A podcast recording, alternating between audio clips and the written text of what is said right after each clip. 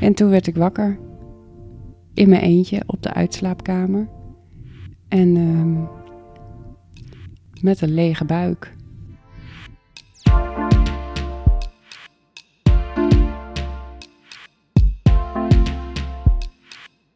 Nou, daar zijn we dan.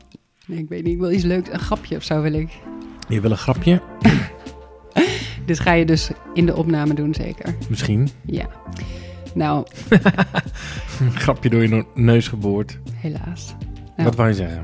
Nou, dit keer een andere aflevering dan normaal, want we hebben geen gasten aan tafel. Nee. We zijn eh, just the two of us. Nou kun je zo'n liedje indoen. Just the two of us. Oké, Doe je dat wel, alsjeblieft? bij deze. Dankjewel. Just the two of us. We can make it if we try. Just the two of us. Hoe vind je het om alleen mij in de ogen te kijken? Nou, vind ik wel ontspannen eigenlijk. Maar een ander verhaal, want wij hebben nogal wat meegemaakt eh afgelopen maanden. Ja. überhaupt jaren, maar laten we het eventjes, eh, eventjes een beetje centreren naar de afgelopen maanden. Wat we hoopten misschien als mooi positief geboorteverhaal te delen, ja, gaan we eigenlijk nog steeds wel een positief geboorteverhaal delen. Alleen eh, is de uitkomst anders dan we van tevoren hadden gehoopt. Mhm. Namelijk geen gezonde baby in onze armen, Nee. Maar wel een ehm, dierbare herinnering of ervaring waar we toch wel heel veel eh uit putten. Zeker. Wij eh, hebben Kobe, een, een zoon van vier jaar. Hij is in oktober vier geworden. Ik weet nog toen we in Frankrijk op vakantie waren Mhm. en toen jij met die hersenvliesontsteking helemaal, eh, eh, nou, helemaal niet lekker Dat ging. daar. Eh, toen had ik, was ik begonnen met een babynamenlijst. Dus toen, vanaf toen zijn we al gaan denken van... Ja. oh, zou het niet leuk zijn om een broertje of zusje voor Kobe te krijgen? Ja, klopt. Ik vertel wel eens tegen mensen dat onze kinderwens kwam en ging de afgelopen jaren. Nou, dat is op zich zo. Ja, Alleen ehm, door de hele gebeurtenis kwam ik er ook achter dat ik blijkbaar wel, ook wel tegen mensen die ik wat minder vaak spreek, al jaren geleden heb gezegd dat we heel graag een tweede kind wilden. oh, Ja, bijzonder. ja. Ja, want Die nu, mensen zeiden, oh ja, je zei jaren geleden gingen wij het eten en toen zei je al dat je een kind... eh, Ja. dat heb ik inderdaad ook, ja. Dat is drie jaar geleden of zo. Ja. Blijkbaar dat, we dat, dat het al wel leefde. Zo herinner ik mij het in ieder geval. Dat we, dat we het af en toe heel graag wilden. Maar dat we ook echt momenten hebben gehad. Dat ook een beetje twee, drie jaar was. Dat we dachten, nou, super gezellig zo met z'n drietjes. Ja, Niks meer aan doen. nee. Nou, en ik had die eh, podcast de, van de correspondent geluisterd. De tweede. Oh ja, die bedoel je. Ja. Daarin, dat, maar ik vond die wel een beetje negatief. Toen dacht ik, ja, waarom wil ik eigenlijk een tweede? Weet je hoe leuk is dat nou? ja. Wat was er negatief aan? Want ik heb die niet ja, dat het eigenlijk, weet je, dat veel mensen, eh, als je een tweede krijgt, dat je dan niet per se gelukkiger bent. Dus mensen met maar één kind zijn blijkbaar gelukkiger. Ik heb deze dus drie jaar geleden geluisterd of zo hoor, dus ik weet niet meer precies. Ja. Eh, en ehm, dat het voor een kind helemaal niet per se eh, goed of fijn is om een broer of een zus te krijgen, een broertje of zusje. Mhm. Want, nou ja, goed, daar hebben we ook wel vaak in de podcast over gehad. Je wordt wel ineens ingeruild voor, of ingeruild. Je moet ineens je plek delen met een andere, ander exemplaar. Ja. Ja, we, zijn, we hebben best wel veel meegemaakt. Het was natuurlijk coronatijd, waarin we met het bedrijf ook gewoon veel eh, op ons dak hebben gehad, zeg maar. Of eh, uitdagingen hebben gekend. En eh, nou, ik heb natuurlijk een burn-out net achter de rug. Er is gewoon heel veel gebeurd. Ja. Ja, en ik denk ook wel dat we dat met, met die kinderwens voor een tweede, dat wij ook wel op een gegeven moment wel, ehm daar hebben we het niet heel veel over gehad, maar wel iets meer wilden dan alleen eh, ja, een broertje of zusje voor Kobe, zeg maar. Nee, ik snap heel- niet wat je bedoelt. Nou, heel vaak gaat een kinderwens van een gezin waar al kinderen zijn niet veel verder dan een broertje of zusje, omdat het soort van logisch is, omdat iedereen dat doet. Ja, tweede kind is normaal. En ehm, wat wou ik dan zeggen? Dat het voor ons anders was. Nou, dat wij, dat wij wel iets meer zochten, iets meer reden dan alleen die zochten voor Ja. de tweede. Ja, precies. Om, om, om de keuze te maken, zeg maar. Ja. En wat natuurlijk ook eh, speelt, misschien komt dat later in dit verhaal nog terug, maar eh, je kunt niet forever wachten ook. Nee, wat een goed punt, want ik ben 39. Ja, Zou En niet ik- zeggen, hè, schat? het ziet, ziet er supergoed uit. Eh, maar oprecht niet 39, maar dat terzijde. Maar ehm, ik denk dat er in deze moderne tijd, zeker in de westerse wereld, en zeker in de steden, eh, dat zie je bij ons ook en onze vrienden ook, dat mensen steeds later kinderen krijgen. En ehm, dat mensen ook wel steeds wat meer vertrouwen in de wetenschap stellen. En misschien niet zo heel goed stilstaan bij eh, dat het met leeftijd ineens wat minder eh, vanzelfsprekend wordt. Ja, en ik was ook wel, weet je, ik voel me helemaal niet 39 of zo. Ja, dat heeft het, maar mijn eitjes zijn wel 39. Dus dat is natuurlijk wel een verschil. En Een feit, ja. Ja, en er is, er gaat echt gewoon een, een beeld van, oh, je kunt forever nog zwanger raken en dat is geen probleem. Maar ja, ook al hebben wij tussenposes gehad, bij ons heeft het dus wel een aantal jaar geduurd of zo. Ja, ik weet niet hoe je dat zo kan zeggen, want soms deden we vijf maanden proberen en dan weer vijf maanden Mhm. niet of zo, weet je wel. Dus ja. Maar toen Nou ja, wij hebben natuurlijk eh, de ervaring van Kobe. En voor Kobe was er een miskraam. En, en beide keren waren we heel snel zwanger. Ja, Eh, en eh, dat heeft natuurlijk ook altijd in ons hoofd gezeten. Als ik even voor ons beiden mag spreken. Dat we ook dachten, ja, op het moment dat wij weer zwanger wil worden, dan dat, dat komt wel goed aan. Weet precies. Ja.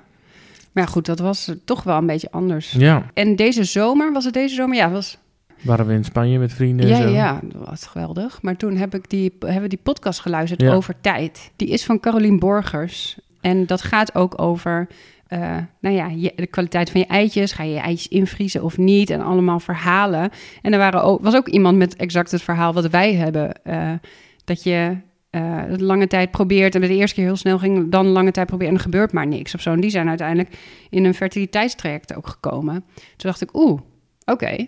Maar goed, het was ook niet eerder de tijd. Hè? Ik denk nu soms als hadden we het eerder moeten doen. Ja, hadden we daar, misschien... heb je, daar heb je gelijk in. We hebben het niet eh, om, om, om, eh, omwille van whatever maar uitgesteld of zo. Nee, dat heb je gelijk ja, in. een burn-out, dan kun je niet echt fijne Nee. zwangerschap doen en covid. En nou ja, goed, er was gewoon heel veel. Ja, Ehm, maar uiteindelijk werd het na deze zomer werd het wat rustiger.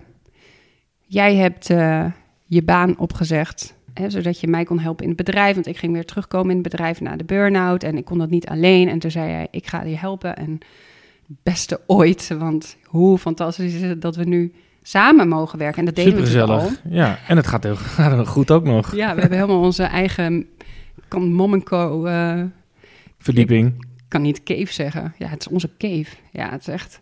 Ja, bedoel, dat is ik, heel eh, leuk. Ik denk dat heel veel mensen niet goed samen kunnen werken als partners. Maar ik bedoel, ik kan met niemand beter werken dan met jou. Ja, en ik denk dat er toen ook wel gewoon ontspanning kwam en ruimte kwam. En ook weer meer zin in seks. En gewoon ook gewoon meer samen. En nou ja, dus eh, toen zijn we maar weer met de ovulatietesten bezig gegaan. Hè? En eh, dat ging ineens best wel vrij vlot. Want hoe lang hebben we na, ik denk twee of drie keer? Ja, ik denk wel iets langer. Nee, Want ik, wat je had weinig. het net over de vakantie. Toen luisterden we dat over ja, en in oktober was ik zwanger. Ja, maar we hebben het ook op vakantie eh, hebben we het ook geprobeerd, weet ik nog. Oh ja, weet ik nog. Dus ja. ik denk wel dat we in, in eh, juli, augustus ja. waren we in ieder geval al bezig. Wat vond je ervan? De seks?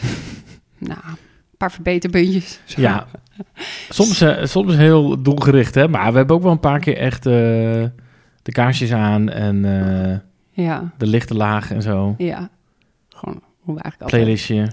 Maar dit keer, deze keer, deze cyclus, zei ik tegen... Toen zei jij nog tegen mij, of ik tegen jou... Ja, ik vroeg jou of eh, eh, wanneer je in principe ongesteld zou worden, mocht het niet een zwangerschap zijn. Dat vroeg ik jou die dag, volgens mij. Jij zei tegen mij, je hebt de- deze maand helemaal geen PMS eh, gehad. Oh, dat zei ik. Ja, maar gewoon, ja, soms heb je het iets meer, soms heb je het iets minder. Het ligt er ook aan hoe irritant jij doet natuurlijk. maar ehm, eh, nee, dat had ik niet. En, Nee. en ik had ook, ehm, ik had nu wel gewoon wat ik normaal had. Niet heel erg dat ik al misselijk voelde of zo. En s'avonds voor het slapen gaan dacht ik, weet je, ik test wel even. En zo vaak heb ik zo'n testje gedaan, hè, s'avonds. Of een keer een moment dat ik dacht, nou, dan weet ik in ieder geval dat ik niet zwanger ben. Dan kan ik dat, die gedachte weer uit mijn hoofd halen. Dus ik was mijn tanden aan het poetsen. Ik had net over zo'n stikje geplakt. Oh, dat deed ik altijd in zo'n speeltje. Weet je wel, zo'n bootje van Kobe uit het bad. Wat? Ja, Dat wist ik helemaal niet. nee? Oh, nou, bij deze dan. Ik had Oh. zo'n, zo'n, dat is zo'n geel bootje. En daar Ja. kan ik zo precies zo in plassen. Zo'n klein beetje, alleen zo. En dan deed ik dat sticky erin en dan eh, ging ik wachten. Je kunt toch gewoon het sticky, gewoon over het sticky plassen? Ja, maar dan plas je misschien over je handen heen of zo. Ik doe gewoon zo'n bootje onder me. Gewoon. Super makkelijk. Ja, Ja, oké, ja. Ik spoelde me altijd af. Ehm, dus ik had die, dat, eh, die, eh, die zwangerschapstest gedaan. En ik ben mijn tanden aan het poetsen. En ik kijk op die test en ik zie een klein streepje. En ik denk, wat the fuck? En ik weet nog dat jij precies op dat moment naar boven kwam. Tuk, tuk, tuk, tuk, tuk. Ja. Nou, meestal lopen we trouwens tegelijk naar boven als Ja. we gaan slapen. Maar nu kwam jij tuk, tuk, tuk, tuk. Was je iets later. Ging waarschijnlijk nog eh, de afwas doen of zo. As you do. Nee, Even de vaatwas eraan. Even, ja. En toen, eh, en toen keek ik jou zo aan met dat sticky in mijn hand. Ik zo, what the fuck? Ik ben gewoon zwanger. Ja, en dat was zo grap, grappig eigenlijk, omdat ik...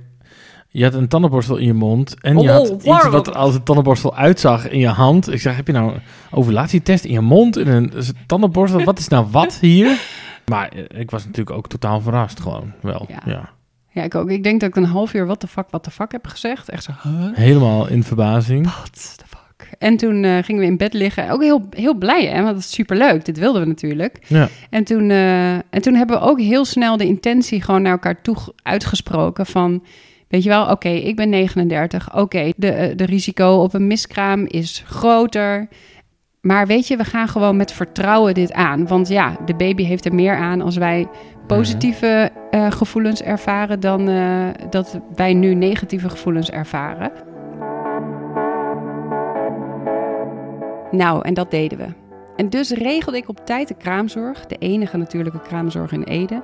En we vonden via iemand wiens bevalling ik heb gedaan in Amsterdam, die dan nu ook in Ede woont, een hele leuke caseload verloskundige. De zwangerschap ging oké, ik was super misselijk en moe, maar de weken tikten voorbij.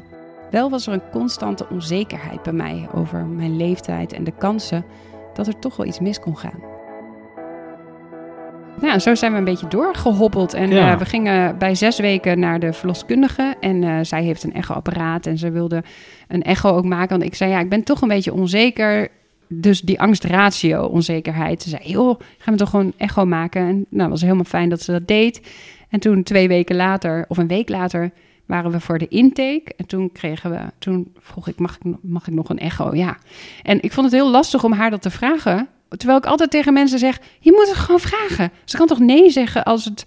En niet denken dat je te veel bent of dat het eh, gewoon doen. Want het heeft mij zoveel gegeven dat we nog een keer konden kijken. En toen zag ik een groter geworden kindje waarvan ik dacht: Oh, wacht eventjes, nu, dit ziet er goed uit. De baby is goed gegroeid. En het gaf mij veel meer vertrouwen, waardoor ik me de, de weken daarna Ja. ook veel fijner voelde. Ehm, en toen eh, bij tien weken hadden we de termijn-echo. Ook nog allemaal goed gegroeid en het zag er allemaal goed uit. En ehm, ja, we hadden de familie, vrienden allemaal verteld. Ja. En toen hadden we op 29 december hadden wij. eh, toen heb ik eerst eh, moest ik bloed prikken, gewoon zwangere lab. Eh, en de nipt hadden we, hadden we af laten nemen hier in het ziekenhuis. En toen hadden we de dag erna de 13 weken echo. En we hadden oppas geregeld. Eh, zouden we daarna lekker eh, Ja. in Arnhem gingen we lekker misschien eh, lekker uit eten en zo. En Ja. we maakten, wilden er echt een lekker dagje van maken, want we hadden om half twee die echo. Toen we daar de echo binnenliepen, toen zei jij tegen mij... Hey, wat voel jij eigenlijk? Denk, denk jij dat het goed zit? Je vroeg aan mij, want ik weet... Ja, nou, jij, jij zei iets over dat je, dat, dat, dat, dat je spanning voelde, iets. Ja ik En vond toen het... vroeg ik nog, ja, om, is het omdat je denkt dat er iets is? Of eh, gewoon omdat we gewoon veel gaan zien weer dit keer? En, eh, dat ja, en toen ik dus antwoordde ik met dat checken. laatste. Omdat dat da- ook dacht... Ik dacht gewoon, ja, ik had zo vaak gecheckt. Is het angstratio Ja. of is het intuïtie? En telkens kwam ik op het eerste uit. Dus nu dacht ik ook, ja, natuurlijk spannend. Maar ja, het zal wel goed zijn. Dus wij daar bij die echoscopist, een super lieve vrouw. En ze ging eerst eventjes ook nog aan ons vragen... hoe gaat het met jullie? Ik dacht, oh, dit eh, ben ik helemaal niet eh, gewend. Maar... En toen ging, eh, ging ik liggen... En toen ging ze uitwendig kijken. En Dat doen ze bij de 13 weken eerst. Dus je moet eerst met een volle blaas. En ze ging uitwendig kijken. En toen zei ze al snel... ehm, wat zei ze ook weer? Ze zei, er valt me gelijk iets op. Oh ja, ik kwam niet heel erg binnen. Maar toen ging ze kijken en toen ging ze al vrij vlot... ging ze ook vertellen van ik zie allemaal vocht Ja, om het kindje heen. En toen dacht ik, oh, dit, dit is niet goed. En gek genoeg was het voor mij een soort van... oké, dit is niet goed. Dus we gaan nu een andere richting op. Snap je? Dus eerst was het, oké, fijn, we gaan een fijne pad in. We krijgen een baby. En het moment dat ze het zei, was ineens dat pad voor mij een soort van... oep, weg en door naar het andere. Ik voelde alsof het niet helemaal tot me doordrong. Of alsof het gewoon voor mijn gevoel een soort van... Oké, nou ja, dit is het. Het was ook zo duidelijk. Ja, nou, ik vond het gewoon helemaal kut. Ja, voor jou was dat heel anders. Hoe was Ja. het voor jou? Nou, voor mij was het heel duidelijk dat het heel slecht nieuws was en dat het eh, klaar was. Ja, en wat deed dat toen met jou? Nou, dat- daar was ik heel verdrietig om. Daar. Ook voelde ik een beetje boosheid bij jou, want ze ging door met nou de echo. ja, dat, dat was heel random daarna. Dan- Ze, ze, ze vertelde dan wat en wat ze dan zag en waarom dat slecht was. En daarna ging ze nog een beetje verder kijken. En ik zat zo'n beetje naar jou te kijken, naar haar. En toen zei ik ook, "Maar wat zijn we nu, nu aan het doen dan? Want waar kijk je dan nog naar? Want het is toch niet goed? Waarom gaan we nu nog verder een echo maken? Ja, En dat Ja. deed ze omdat, omdat ja, op Ja, dat moment kon ze, ze kon eh, alles goed zien. ja. En weer, ik bedoel, voor hetzelfde geld eh, kwam het kindje te overlijden. En dan kon je het niet goed meer zien allemaal. Dus zij Precies. probeerde gewoon zoveel mogelijk wat ze kon zien, Ja. wel bekijken. En ik begreep dat niet helemaal. nee, ja, ze zei eigenlijk allerlei dingen van... nee, ik zie allemaal vocht om, het, eh, om, het, om Ja, de zat- baby heen. Er zat eigenlijk een laag vocht van tussen 6 de huid, millimeter. tussen de huid en eh, ja, wat ertussen zit. Op het hoofd, nek, rug, Ja. buik, been, eh, ook benen en armen. Overal zat een laag vocht tussen de huid en het, het eh, ja, Ja, wat en er in je lijf zit, zeg maar. En dat heet dan een hydrops. En dat is eigenlijk een, een, dat is een heel slecht teken. Zeker als het zo overal zit. En vaak is dat een, wat we later dan leerden, een soort van laatste fase van, ehm, ja, ernstige afwijkingen. Ja. En gek genoeg ook zagen we ook gewoon een, een kindje wat daar gewoon aan het bewegen was. En Ja, dus het is heel dubbel. Je ziet een kindje en tegelijkertijd ja, de wetenschap dat dit een ongezond kindje is. Dat, ja. En dat met dat gevoel, ik weet nog, ik kneep in jouw hand eh, harder en harder. En Mhm. ik zei ook, het komt niet binnen. En ik voelde me ook heel erg verhard, weet ik nog. Dat ik dacht, oh, ga ik hier op deze manier mee om? Wat Blijkbaar. niet fijn dat ik dit doe. Maar ja, ik bedoel, ja, het gebeurt, het, wat gebeurt, gebeurt er. Ja, ik hoef Ja. niet te veranderen hoe ik reageer op dingen, Nee, ik denk niet dat dat goed of slecht is. Dat is gewoon eh, hoe het was. hoe jij het doet. Ja. Kort na deze slechte echo kregen we de NIPT-uitslag. Met een sterke aanwijzing voor trisomie 13. Met een vlokkentest in het Radboud UMC in Nijmegen, waarbij ze vaginaal een klein stukje placenta nemen om te testen, kwam de bevestiging. Trisomie 13. Dat is een afwijking in de chromosomen die letterlijk betekent dat chromosoom 13 niet twee, maar drie keer in een cel zit. Het Patau-syndroom. Er is een heel klein percentage baby's dat de zwangerschap en de bevalling overleeft en soms zelfs wel een jaar kan leven, maar meestal overlijdt een kindje in de buik of tijdens de geboorte. Dat wordt ook wel omschreven als niet met het leven verenigbaar. Ik vond het, want ik, ik werd toen gebeld door die gynaecoloog en ik vond het juist wel. eh, en ze vroeg aan het eind nog van, hey, wil je, wil je eigenlijk eh, het geslacht weten? Toen dacht ik, oh ja, dat wil ik wel weten. Ja. En toen, eh, toen zei ze, het is een jongetje. En toen, ja, dat vond ik zo bijzonder. Want wij dachten de hele tijd een meisje. Daar ging ik weer. Ja. Bij Kopen was dat natuurlijk ook al zo. Het was een soort van verrassing. Het was heel leuk nieuws of zo. Het was echt zo, ah, een jongen. Ja, ik vond dat super vet. Ja, ik had een beetje hetzelfde idee ook als bij kopen. Dat dan een geslachtsbepaling maakt het ineens heel, heel concreet, heel echt. Ja. Ja, en dat maakte voor mij ook wel dat er iets eh, gebeurde. Ook wel in het toelaten van het verdriet. Want Ja, want alles kwam echt in stapjes tot ons natuurlijk, qua nieuws. Hoe was Ja. dat dan voor jou op dat moment? Ja, dat was dus verrassend genoeg. eh, zeg maar, ik had er niet over nagedacht, dat ik, maar dat ik toen ineens heel veel emotie kreeg. En, en het was zo echt, weet je. Het was niet meer een baby en vaag, maar het was gewoon een jongen. Ja, dat vond ik ook, ja. Nou, en toen heb ik echt de volgende dag alleen maar gehuild. Ik weet nog dat jij toen met Kobe naar de speeltuin ging of zo, whatever. Maar, en toen had ik even tijd voor mezelf. En toen heb ik zoveel gehuild. Gewoon de hele dag gewoon met tranen. En, De eh, emmer leeg. de emmer lege, ja. Dat was zo fijn, want daarvoor voelde ik me soms gewoon een beetje Ja. verhard of zo. Of niet verhard, eigenlijk niet meer. Dat dacht ik in het begin. Maar gewoon nu was ja, het gek hè? echt... Ja, grappig hoe dat, hoe dat eh, verschilt. Bij mij was het eerder een beetje in, in stukjes daarvoor eigenlijk meer. Ja, zo gaat iedereen natuurlijk heel anders om met dingen. En Ja, ik bedoel, bij, bij die, die 13 weken echo hebben we naar een struik staan staren vanuit onze auto eh, een half uur. Wat gaan we doen? En we bij de- En bij de vlokkentest in Nijmegen hebben we lekker zitten lunchen in het gezellige centrum van Nijmegen. Met, Ja. En met heel veel plezier naar die echo-fotootjes zitten kijken. Ja, het is toch gewoon, het is zo dubbel. Want enerzijds voel je ook gewoon heel veel liefde en blijdschap. En anderzijds, ja, verdriet en rouw. En ik vond ook wel hoe wij dit hebben gedaan samen. Ondanks dat we het een beetje op een andere manier deden, waren we continu met elkaar in contact. We hielden elkaar echt een beetje in de gaten. Gewoon. En jij zei ook een keer van, ja, dit is echt een van de donkerste periodes in ons leven. En kijk eens even hoe goed we dit doen. Weet Ja, je wel? ik zei, dit is crisis. Weet je wat, dit moment, dat gaan we nooit meer vergeten. Hoe erg het was, tussen aanhalingstekens. Ja, als je Ja. daar bewust van bent. Ja, dat hielp mij wel. Zo van, daarom zei ik het ook tegen jou, vergeet niet, dit is gewoon een heel Ja. dieptepunt. Want we waren allemaal Vergeet het niet. super moe. Kobe was overprikkeld, ik overprikkeld, jij overprikkeld. We, waren Ja. bedoel, we liepen allemaal eh, achter. We hadden geen lontje meer of zo. En Nee. nog steeds deden we het zo goed en bleven we lief naar elkaar. En Ja. eh, echt knap. En toen moesten we een jongensnaam kiezen. Oh ja, ja. Dat was moeilijk. Ja, ik zat daar ook niet zo... eh, ik was nog niet daar om echt een naam te geven, weet ik nog. Nee, dat was überhaupt. Hè. Dan ga je Ja. allemaal al die keuzes maken van... ga je het wel een naam geven of niet? Maar Ja, ja, het is een beetje spannend wel... om het zo echt te maken of zo, met een naam. Ja. Maar ik voelde wel echt, ja, deze baby moet een naam krijgen, omdat we hem daar, ja, daarmee meer waarde geven. Zo voelde het voor mij. Ik vond het ook heel mooi om alles voor te bereiden naar de geboorte, zeg maar. Dat we al konden bedenken, hoe willen we dat dan? Willen we dan hem in zo'n waterbakje, hè? Eh, Ja. dat kun je doen. Dus na de geboorte kan zo'n kindje in een bakje met water, zodat hij veel beter... eh, Ja, dat je hem kan zien. En, Ja. ja. ja. maar ja, en een kind dus een naam geven, ja, dan hoef je niet te praten over het of de baby of de.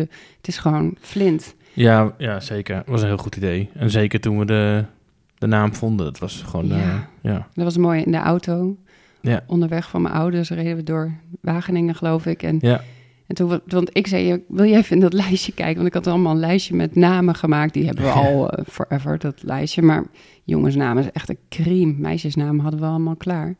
En ook dan, wat kies je dan? Weet je wel, kies je een jongensnaam die je eigenlijk ook wel in het echt zou doen, zeg maar? of of Ja. zou je het alleen... eh, ja. Nou ja, uiteindelijk hebben we een jongensnaam die we voor een jongetje wat eventueel groter zou worden, die hebben we bewaard. Ja. En Flint was hem, is niet een naam misschien die wij anders aan een, Nee, aan een zoon hadden gegeven. Nee, maar door deze betekenis was dit perfect. Want het betekent dus, eh, nou misschien wil jij vertellen wat het betekent. Nou ja, ik las dat lijstje en er stond dat flint een Engels woord is voor een beekje of een stroompje. En toen zei ik tegen jou, oh, dat is eigenlijk wel heel mooi, want eh, Flint, deze baby, gaat geen grote stromende rivier worden of uitmonden in een oceaan. Nee, dit is, dit is ook een kort leven en een stroompje eigenlijk. Dus dat is een perfecte naam. Ja, Nou, dat was het. huilen allebei in de auto. Ik Dit is hem. achter jou. Ja, dus eh, nou ja, maar dat is ook hoe goede ideeën ontstaan. Dat is gewoon hoef je niet zoveel over te zeggen. Nee, hand op mijn schouder. Deed je, schouderanker. Doen we in de cursus altijd. Doe je Ja, altijd bij mij. schouderanker. Ja, heel super simpel trucje. Ja. We hebben het er veel met mensen over gehad, hè? Sommige mensen zouden dat misschien anders doen. Wat, waarom denk jij dat wij dat zo deden? ja, omdat dat bij ons past. Mhm. Ja, wij zijn delers. Wij zijn delers in alles. We zijn open. Ik denk dat we daarom delen. Gewoon, Ja. wij willen echt zijn. En wat vind jij ervan? Ik, ik heb er absoluut geen spijt van dat we gewoon iedereen vertellen eh, wat we wilden vertellen. Ik zou dat ook aan iedereen adviseren als je erover wil praten. Ook al is het een prille zwangerschap, doe dat lekker met mensen. En, eh, maar ja, je moet dan daarna ook wel eh, eventueel slecht nieuws ook dan allemaal weer vertellen. Maar eh, dus ik heb daar geen spijt van. Maar ik snap wel ergens ook dat, dat mensen gewoon het twaalf weken lang eh, geheim houden. En dat je dan alles vertelt. Maar Ja, ik kan dat niet hoor. nee. Ja, dat lukt me echt niet. Nee, en op het Ja. schoolplein hadden we het ook wel verteld, weet je wel. Want daar kletsen we ook met iedereen. En ik kom daar helemaal misselijk Ja. aan. ja, ik ben zwanger. Ja, oh, wat vroeg. En nou, zo pril nog. En ik dacht, ja, wat zeg je nou de hele tijd zo pril?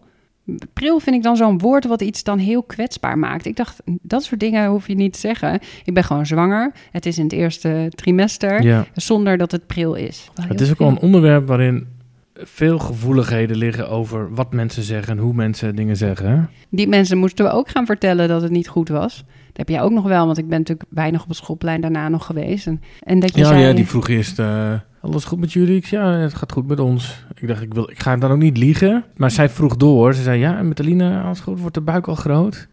Ja, en toen moest ik zeggen, nee, de buik wordt niet groot, want eh, het is niet goed gegaan. En, eh, maar goed, ja. En toen reageerde ze ook van, oh, wat erg, toch? Oh ja, sorry. En ja. eh, ja.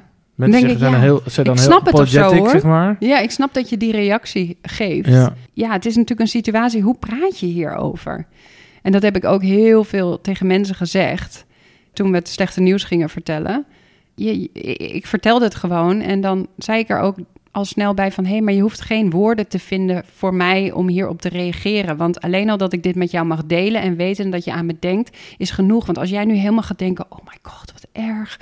Oh, wat moet ik zeggen? Weet je wel, dat vind ik alleen maar vervelend voor jou. Want ik zou het ook moeilijk vinden, wat moet ik nou zeggen? Nu weet ik inmiddels beter wat ik op zo'n situatie zou zeggen, omdat we het zelf hebben meegemaakt.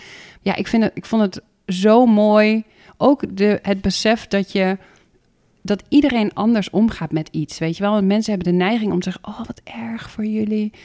Terwijl misschien ervaart die persoon dat helemaal niet. Weet je wel? Of ja, natuurlijk is het erg. Maar we halen er ook heel veel moois uit. Dus, nou, het is toch wel mooi om mee te geven dat als Mhm. iemand iets heeft, dat je niet per se allemaal mooie woorden, maar je kan ook gewoon zeggen: Ik weet even niet zo goed wat ik moet zeggen. Ja. Want wat zeg je in zo'n situatie? Ja, er zijn toch geen woorden voor, voor Nee. dit? Ja, en toen gingen we eigenlijk ehm, terug naar Ede. Letterlijk en figuurlijk, ook qua ook medisch gingen we weer terug naar Ede. Ziekenhuis. Om een bevalling te plannen eigenlijk.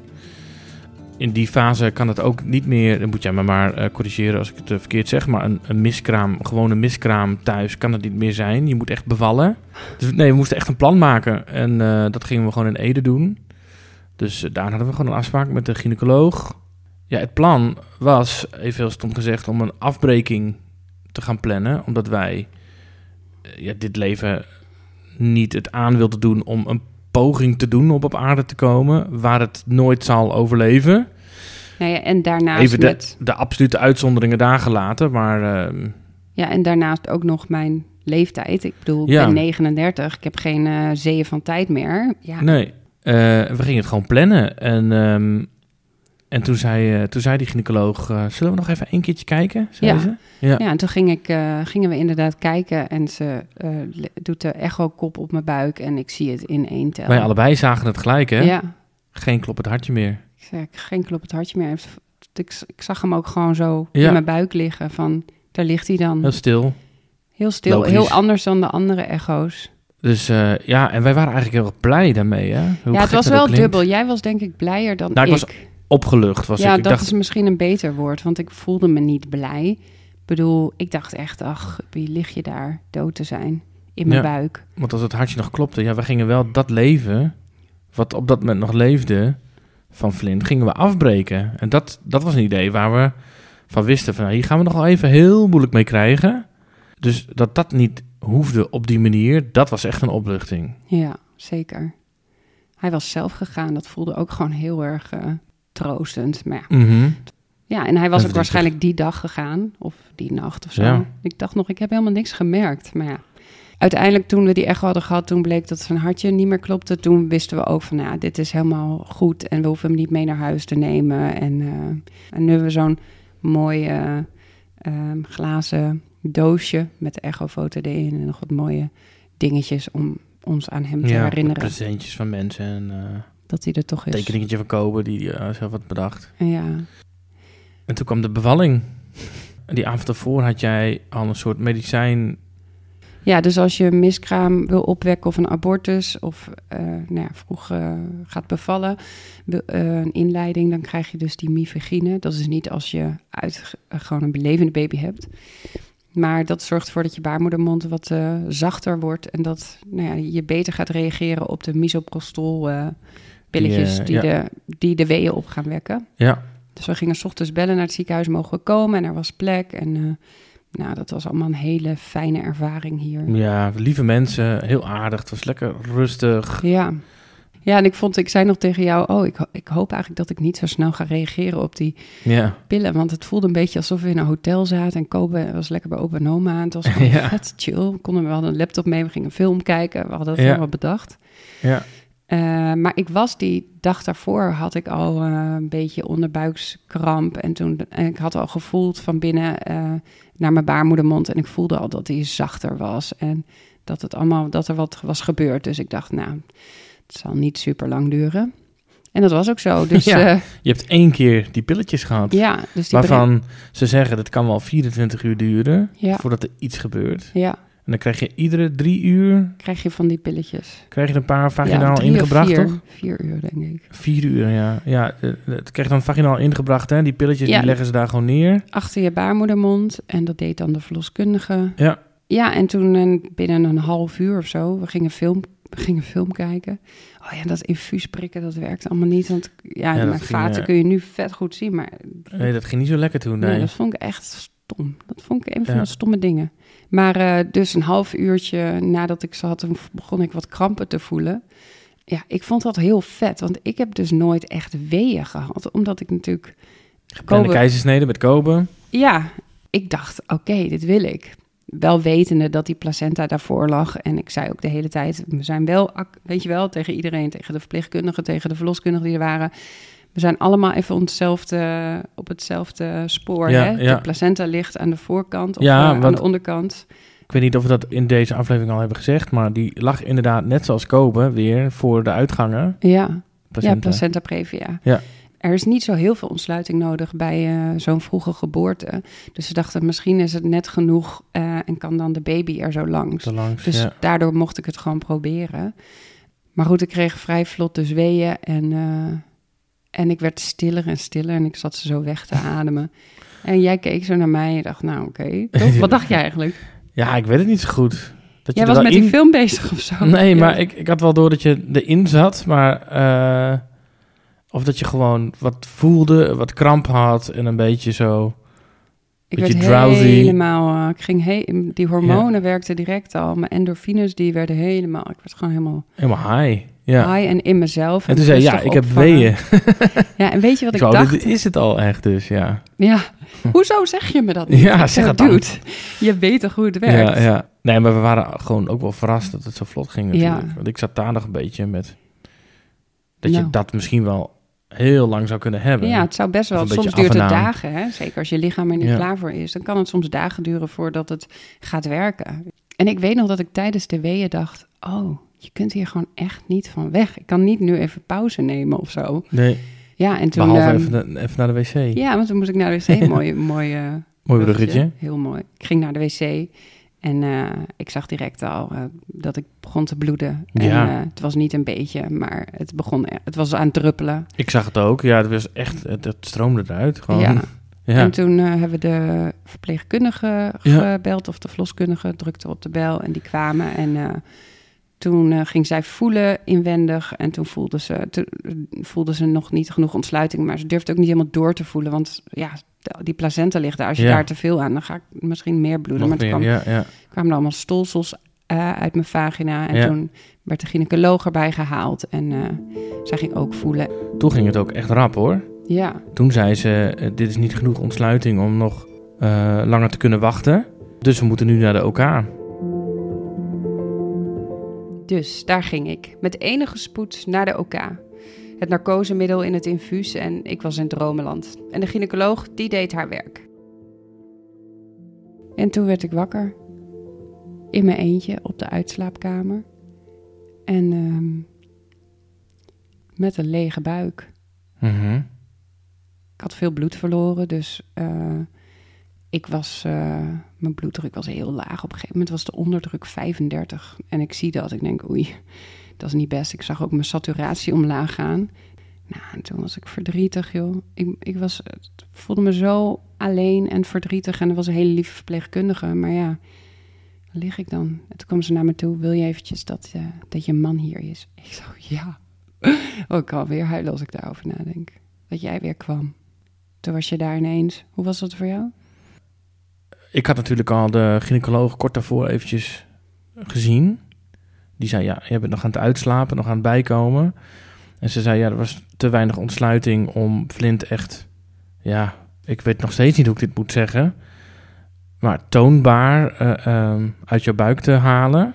Ja, want het was met een curettage, hè? Ja, Dus ehm, ja, ik zeg als een soort stofzuigertje halen ze het ja dat is, weg. En dan proberen ze nog wel met de hand te doen. Dat heeft ze ook geprobeerd, maar ze zei, ja, ik... eh, En zij zat er ook niet lekker bij, hoor. Dat was geen fijn gesprek voor haar, dat zag ik ook. Ik dacht, oh, niet ja. leuk om te doen. eh, nee, dat is verschrikkelijk. Het is een mensje wat je dan... eh, Ja, dus maar dat hoorde ik dus van jou. je hoorde dat van mij, want jij vroeg aan mij, is dat wel gelukt? Ik zei, nee, dat is niet gelukt.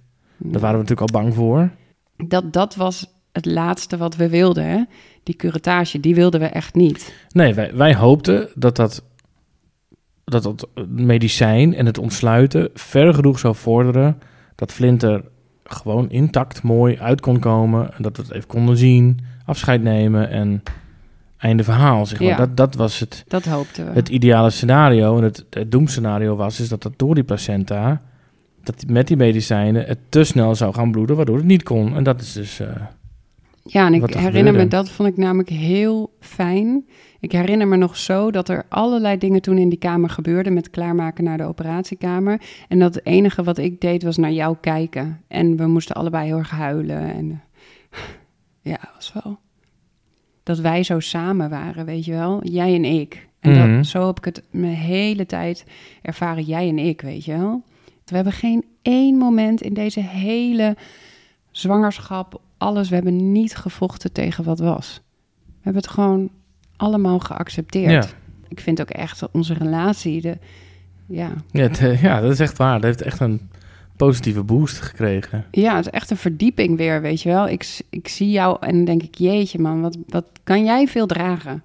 Maar het is ook heel makkelijk als je dat echt voor iemand eh, bereid bent om te doen, onvoorwaardelijk. Want alleen dan kan je het, volgens mij. Ja, Als het voorwaardelijk is, of als je niet helemaal achter staat, of je cijfert jezelf bewust weg, ja, dat is kut. Daar ga je dan ten onder, dat hou je niet vol. Maar eh, ja, wij eh, zitten gewoon op een goede plek samen en we doen het gewoon. We fixen het gewoon. En dan heb je ook heel veel Ja, daadkracht om het voor elkaar... Gewoon, ja, je doet het gewoon dan. we hebben ook zoveel, we hebben zoveel lieve berichten van iedereen gehad. Iedereen die zo met ons meeleefde.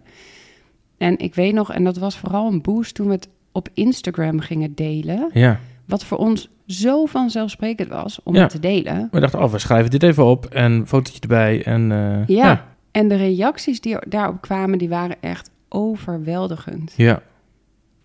Ja, ik vond dat zo fijn en liefdevol. Ik voelde me daar zo door gedragen. Had ik helemaal niet verwacht. Maar Ja, dat hielp ook gewoon echt bij het hele... Ja, en, en de, het- toen had ik zo'n besef dat Flint echt zoveel liefde en verbinding bracht. En ook dat wij iets mochten vertellen, of dat wij over dit onderwerp gewoon zo open mochten zijn. Dat was blijkbaar heel helend voor heel veel mensen. Ja, zeker. Ja, want ik, ik kreeg zelfs een berichtje van een eh, oude kennis. Die ook zei, wat goed dat jullie dit zo opengooien. Want ik heb meerdere vriendinnen in mijn vriendengroep die zoiets meewerken. En die er nog steeds last van hebben. Omdat ze ja, niet of niet genoeg erover hebben gepraat of hebben kunnen praten. Het is gewoon nog een taboe of zo. Ja, en dat was helemaal niet het doel wat wij hadden om eh, zo van, oh kijk, onze taboes doorbreken. Maar blijkbaar eh, zit daar wel iets. En Ja. eh, dus dat vond ik ook, ja. Weet je wat het is, wat ik echt heb geleerd van alle gesprekken die ik ook daarvoor en daarna heb gehad?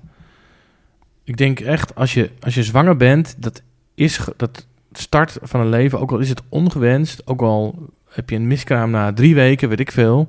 Ja, dan er, er is gewoon iets gestart wat gewoon heel bijzonder is, wat gewoon een impact heeft op je leven. Klaar. Zelfs iemand die mij vertelde, die was ongewenst zwanger en die heeft het laten afbreken, die heeft er nog steeds last van. Ook al was dat in een situatie dat het niet kon, die persoon was ook zwanger, weet je wel. En dan, je, het is gewoon een leventje, iets, zo klein als het dan is, maar En bedoel je dan dat mensen erover mogen praten? ja, zeker. Ja. Ja. Ja, en zeker. iedereen gaat er ook weer anders mee We om, onderschatten hè? het. Ja. Ik denk Het dat... zo opengooien, dat is, ik denk dat het gewoon, dat iedereen dat eh, moet dat op zijn eigen manier doen, maar je moet, je moet daar iets mee doen. Je moet het Ja. een plek geven. Ja. Ja, en wij zijn er heel snel, want we zijn nu vier weken na de geboorte. En Ja. ja, ja wij, wij gaan zo goed.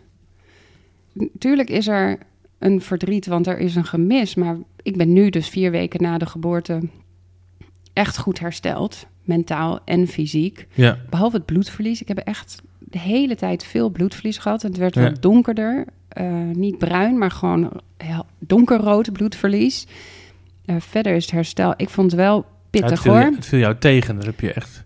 Ik dacht echt, Ja, holy op moly. de bank dat je dacht, ik, eh, Oh, ik had ik, niks. ik had echt de dag na de geboorte had ik zoveel pijn in mijn hele lijf. Ik kon niet zitten, ik kon niet liggen. Ik Ja. had alsof ik intense spierpijn had. Ja. Ja, toen was ik echt, dat was echt rot. Ja. Maar ik had wel heel veel bloed verloren, dus ik liep, e- ik kon echt, eh, ik was zo duizelig de hele tijd, ik kon Ja, niks. Je hebt twee weken eh, op de, de bank, in de bed gelegen. Ja. Ja, ik kon eh, net naar de wc lopen en dan liep ik eh, helemaal gebogen met mijn hoofd naar beneden, zodat het zuurstof maar in mijn hoofd bleef voor mijn gevoel. Tja. Om eh, niet helemaal zwart voor mijn ogen te worden. Ja. Dus ik voel me nu. eh, Ja, en toen pikten we het werk weer een beetje op en we waren wat geïnspireerd. En eh, ja, weer zin dan in ga je ineens, hè? Ja, dan ga je ineens. Wat is eh, jouw grootste les uit het hele verhaal? Mm, dat je te voelen in het moment. En dat je niet iets hoeft te voelen wat je niet voelt, snap je? Ehm, dat is een beetje. Dat vaag. kan ook niet, dus dat is, dat is mooi. Nee, maar kijk, hoe ga je om met rouw? Weet je wel, hoe ga je om met zo'n situatie? Dus ik dacht echt, oh, ik moet dit wel voelen en waarom voel ik niet dit? Maar ik voel dat niet. Nee. Dus ja, dan is Dan dat is toch dat gewoon zo. En in het begin dacht ik, voel, ik voelde me een beetje verhard. Ik had ook een beetje zo afstand. Maar een paar dagen later voelde ik me juist weer super verbonden en kon Ja. ik heel veel tranen hebben. Dus ja, ik vond het gewoon, eh, gewoon voelen wat je voelt en daar ruimte voor maken. En gelukkig wa- was er voor ons die ruimte en konden we met z'n drieën thuis allemaal voelen en zijn en Ja. in verbinding. Dus ook echt gewoon het samen. Mhm. Voor mij exact hetzelfde, maar als ik dan een andere erin mag gooien. Dat ging heel erg over vrijheid. Wij hebben ons leven nu een beetje zo ingericht, eigenlijk door toevalligheden en opgevoel, maar dat we heel flexibel zijn in ons werk en dat we heel makkelijk eh, daar links of rechts kunnen werken of niet kunnen werken, of veel kunnen werken of weinig.